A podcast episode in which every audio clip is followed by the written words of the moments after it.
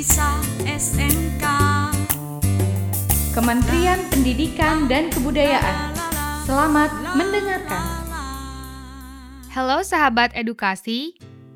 It's nice to get back with you again in the English program for vocational school by Suara Edukasi. We will learn about extended congratulation.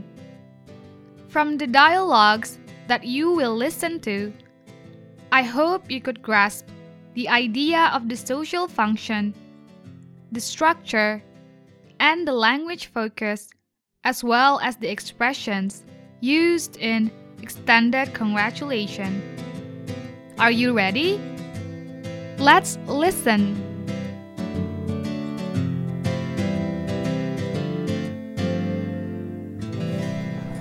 So, lady, what on earth has made you ask me to accompany you for lunch? Well, we haven't met for ages. Besides, I want to check with you if this is a gossip or not. You know what? This morning, I got a phone call from Mrs. Vera. She left a message for Mr. Haikal that the draft of decree letter would be sent today afternoon, the latest. Oh, I see. I bet you will ask me this. What draft of decree letter is that, Anto? Would you let me know? Oh, come on, I'll treat you. How could you?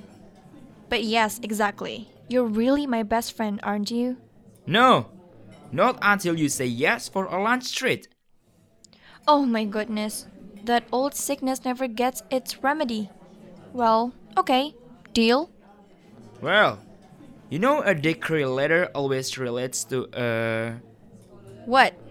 A promotion? Hmm, brilliant.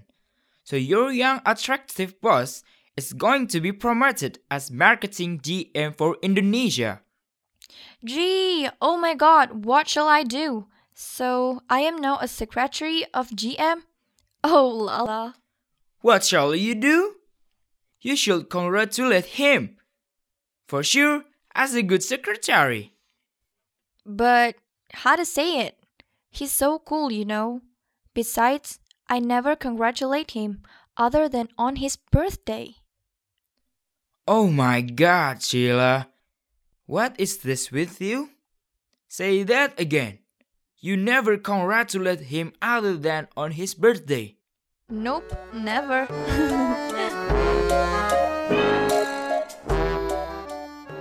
Sahabat edukasi, congratulation expression is a word, phrase, or a clause we use to give an acknowledgement to show happiness and appreciation to someone when she or he succeeds doing something.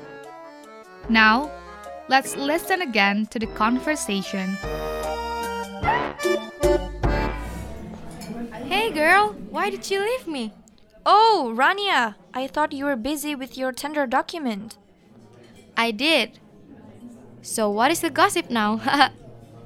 The gossip now is your dearest friend, Sheila, doesn't know what to say to congratulate your boss. Well, not exactly like that. I mean, I am not sure if this is the right moment. I am still thinking about when people can congratulate others exactly. In what occasions?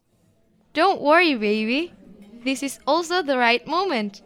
And there are other contexts where we can congratulate others. That situation are like when your friend wins a competition, passes an examination, gets high score in test. Hang on. Does it mean I can also congratulate Mr. Haikal after a fruitful presentation? Why not?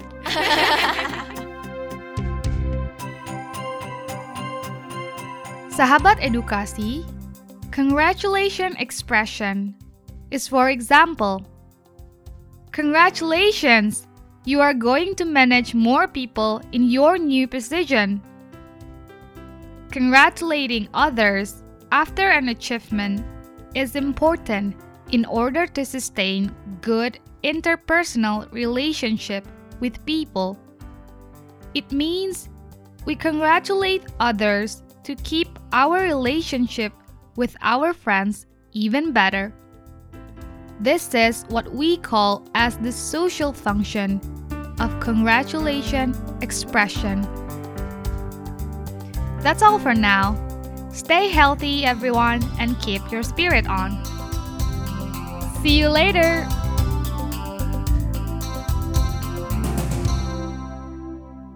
Pasti bisa SMK Ayo belajar bersama SMK.